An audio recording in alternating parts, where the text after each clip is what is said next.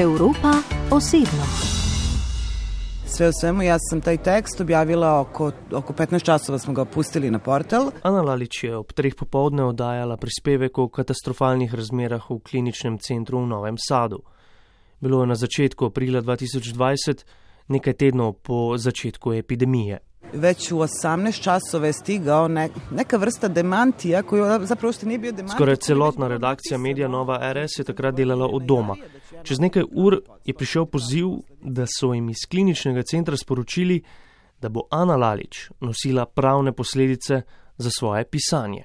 U toku pisanja tog odgovora meni je zazvonio ovaj interfon. Medtem ko je pisala odgovor, je zazvonil zvonec v njenem stanovanju. Suprug mi je samo rekao da nam ispred vrata se nalaze četiri policajca u civilu, Pred vhodom so bili štirje policisti v civilu.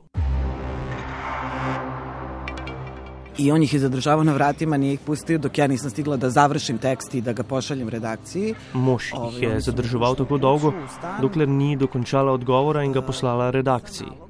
Potem so vstopili v stanovanje z nalogom, da ji oduzamejo, Da se oduzmu elementi na koje sam, za kojim, kojima sam počinila eventualno krivično delo širenje panike raz- i ovaj, uznemiravanje javnosti. elemente, s katerimi je storila kaznivo dejanje širjenja panike in vznemirjanja javnosti. To se odnosilo na moj laptop i na mobilni telefon koji su mi odmah oduzeli. Takoj so ji zasegli prenosni računalnik in mobilni telefon. Srećem sam imali privatan telefon koji oni nisu videli. Drugi mobilni telefon je uspelo skriti. Da, inače su to bili inspektori krvnih delikata koji su zaduženi za dešavanje najtežih zločina i ubistava, jel da?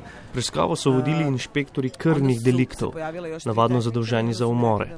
Kasneje so se jim pridružili še drugi sodelavci zahtevo, da preiščejo celotno stanovanje. Uh, ja sam pitala na osnovu čega, mislim, zašto bi mi pretresali stan ovaj, kad sam optužena za verbalni delikt, aj tako da ga nazovemo.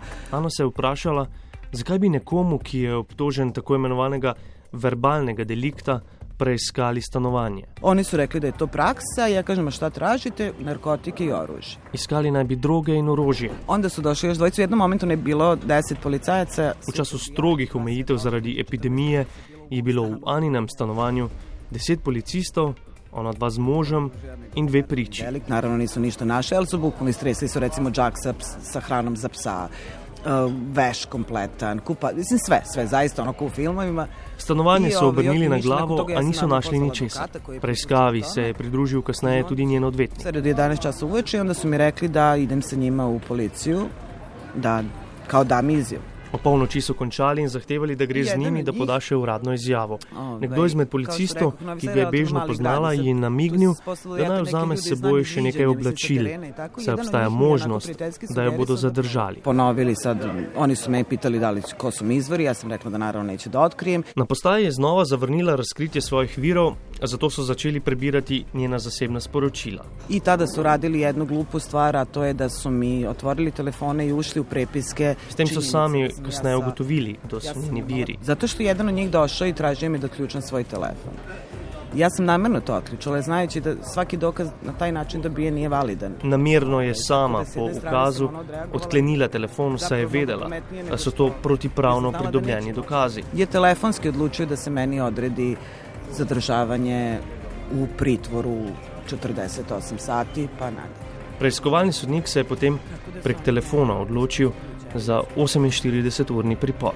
Čak ne ono ni s rešetkama, nego si zazidan, bez, bez prozora, bez ič, ono metalni krevet, metalna WC školjka. Zaprli so jo v celico brez oken, s kovinsko posteljo in straniščem. I ništa. 46-letna Ana Lalič je novinarka 20 let. Trenutno dela za multimedijski portal Nova RS.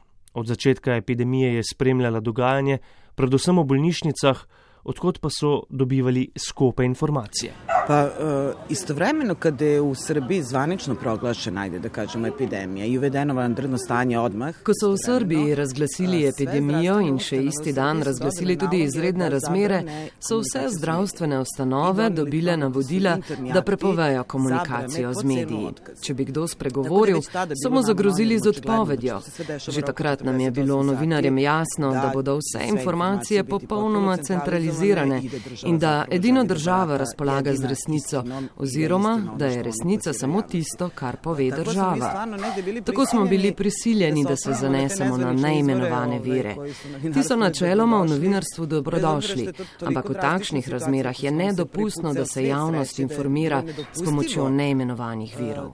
Da se javnost informiše preko nezvaničnih izvora. I atmosfera koja je stvorena u tih prvih nedelju dana u Srbiji je bila potpuno haotična i ljudi nisu uopšte znali Atmosfera, ki se je osnovala prvi teden epidemije v Srbiji, je bila popolnoma kaotična. Ljudje niso vedeli, ali naj se zdravijo z rakijo ali bodo umrli. Oziroma, ali naj iščeš prosto mesto na pokopališču ali poskušaš priti do mask, ki jih takrat tako ali tako nisi mogel kupiti nikjer. Tako so se novinari znašli pred ogromnim izzivom, da kljub takšni situaciji sledijo svojim postulatom in ustrezno informirajo javnost. Nakon, nakon eno, tri, četiri dana mojih upornih zahteva da mi se odgovori zvanično na to koliko, ima, koliko je broj obolelih konkretno u Novom Sadu, ker ji po nekaj dneh nihče iz kliničnega centra ni odgovoril na osnovno vprašanje, koliko je obolelih, koliko imajo zaščitne opreme. Je tako poiskala neimenovane vire, ki jim je že nekaj časa zaupala. Pred objavo prispevka se je zavedala, da bodo na vsak način poskušali izvedeti, kdo so njeni viri. Pokušaja da, da se sazna ko su izvori, ko, kome su izvori, ali naravno niko od nas nije očekivao da ću iste večeri u roku od par sati biti uhapšen. Nihče pa ni pričakoval, da bo nekaj ur po objavi aretirana in v priporu. Šta ti je išlo kroz glavu? Jedno vreme još nisam bila svesna šta mi se događa. Prosto nisam stigla da, da odreagujem ni emotivno nikako. Tisti dan se je vse dogajalo zelo hitro, preprosto ni razmišljala, kaj se dogaja. Pozvala svog kolegu i prijatelja i predsjednika ove, nezavisnog društva novinara Vojvodine Dinka Gruhonjića i samo sam uspela da mu progovorim mene hapse. Še preden so jo zasegli tudi drugi telefon, je uspelo poklicati prijatelja Dinka Gruhojniča, nekdanjega predsednika neodvisnega društva novinarjev Vojvodine. Na kratko mu je sporočila, da je aretirana. Čez nekaj ur je bila v zaporniški celici brez oken. Jedino što me negde u tom momentu tešilo u toj ćeliji Upala sem, da jim bo uspelo povzročiti dovolj pozornosti, da sem v priporu. Vedela sem namreč za primere, ko so ljudi priprli, ker so kršili določene epidemične ukrepe in zato nihče ni vedel. Zaprti pa so bili po več dni. In da to može da traje dokle god se nekom dopad. Shvatila sem potpuno bespomočna in da zavisim isključivo eto tako od neke volje javnosti ili od kolega. Kasneje jo je začela grebiti tudi panika. V celici brez oken ni imela občutka za čas, tudi spala ni. Ugotovila je, da je povsem nemočna in odvisna od volje javnosti in kolegov. In ništa, onda su me negde ujutro oko pola deset, deset je došla žandarmerija po mene da me odveze kod istražnog sudije, da dam Novinarski kolegi je niso razočarali. Vest o aretaciji novinarke je hitro zaokrožila tako po Srbiji kot v mednarodnem prostoru. Oglasile so se najpomembnejše mednarodne novinarske organizacije. Podporo in poziv k izpustitvi so zahtevali tudi v Društvu novinarjev Slovenije. Dejanje so obsodili tudi v Organizaciji za varnost in sodelovanje v Evropi. Naslednji dan so jo izpustili in ji postili, da se brani s prostosti. Tužilac odlučio da mi se dozvoli da se branim sa slobode. Ali zapravo to kad se pogleda sve, to je bio najlakši deo svega šta je tek usledilo. Če pa pogledam nazaj, je bil to verjetno še najlažji dan. Že zjutraj, ko sem bila še v priporu, je namreč premijejka Ana Brnabič na javnem servisu mahala z mojo sliko in govorila, da sem lažnivka in sovražnica Srbije da delam v interesu tujih organizacij proti svoji državi. Iz novinarke sem se tako naslednji dan spremenila v največjo izdajalko države. Ko sem odhajala iz pripora, še nisem vedela, da odhajam kot izdajalka in tuja plačanka. Postala sem tarča vrha oblasti. Da izlazim kao izdajnik i strani plaćenik, kog treba, mislim, targetiran potpuno isto, i to sa vrha vlasti.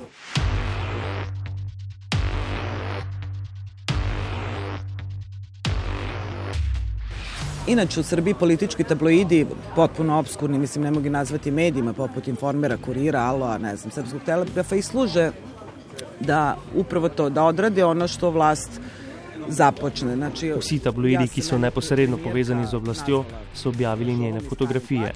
Ob tem se je sprožila tudi sovražna kampanja na družabnih omrežjih. A na društvenim mrežama su krenule vrlo, vrlo brutalne pretnje. Dobivala je najobskurnejše grožnje. Posilstvom, ubojem, namerno okužbo z novim koronavirusom. Silovati, da me treba ubiti, da mi treba zaraziti koronom, pa mi ne dati respirator, da moje dete treba zaraziti koronom. Onda naravno drugi deo je krenuo, udaraju na to, ja sam Hrvatica.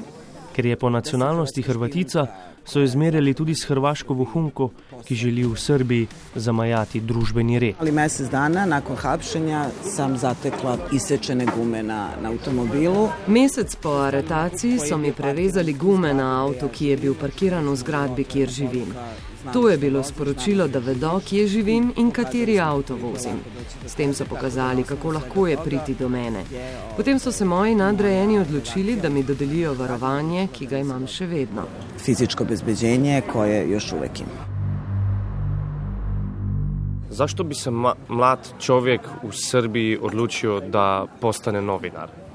Nema razloga, zaista nema razloga. U Srbiji nema više novinarstva. Ana Lalić pravi da se mladi v Srbiji verjetno ne bodo odločili za poklic novinarja, saj po njenem novinarstvo v Srbiji ne obstaja več. Jedan od prvih poteza kada je Srpska napredna stranka došla na vlast pre 12 godina, ako se ne varam sad, je bilo vrlo, vrlo volšebna i mudra kupovina svih lokalnih medija, svih onih najmanjih. Ena od prvih potez Srpske narodne stranke, ko je prišla na oblast, je bila, da so kupili vse lokalne medije najmanjše radijske postaje, lokalne časopise in spletne portale.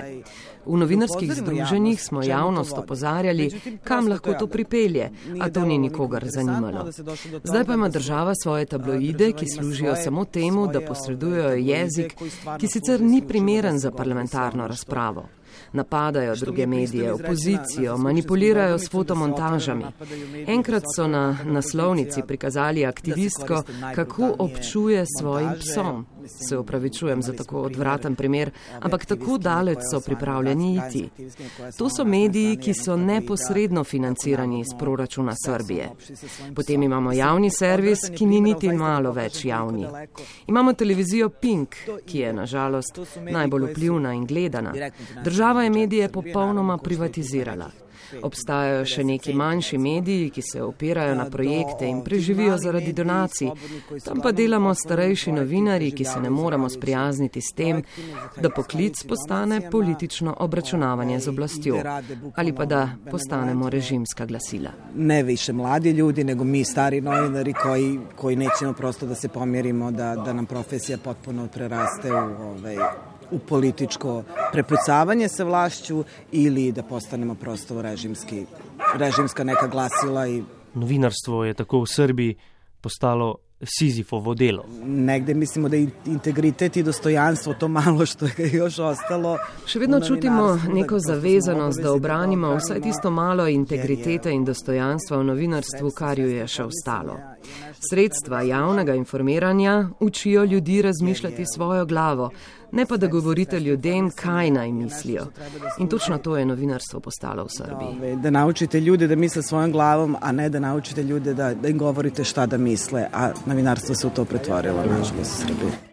Ana Lalič je sicer ponosna prebivalka Novega Sada, srpskega drugega največjega mesta, ki pa se pred njenimi očmi divje spreminja u betonsko džunglu. Novi Sad je ono što je meni najstrašnije doživlja potpuni urbicid u poslednjih 20 godina. Novi Sad doživlja tako imenovani urbicid. Tu niti ni več črna gradnja, ampak nažalost popolnoma legitimna. Mislim, da imamo v Novem Sadu samo še pet ulic z drevoredi.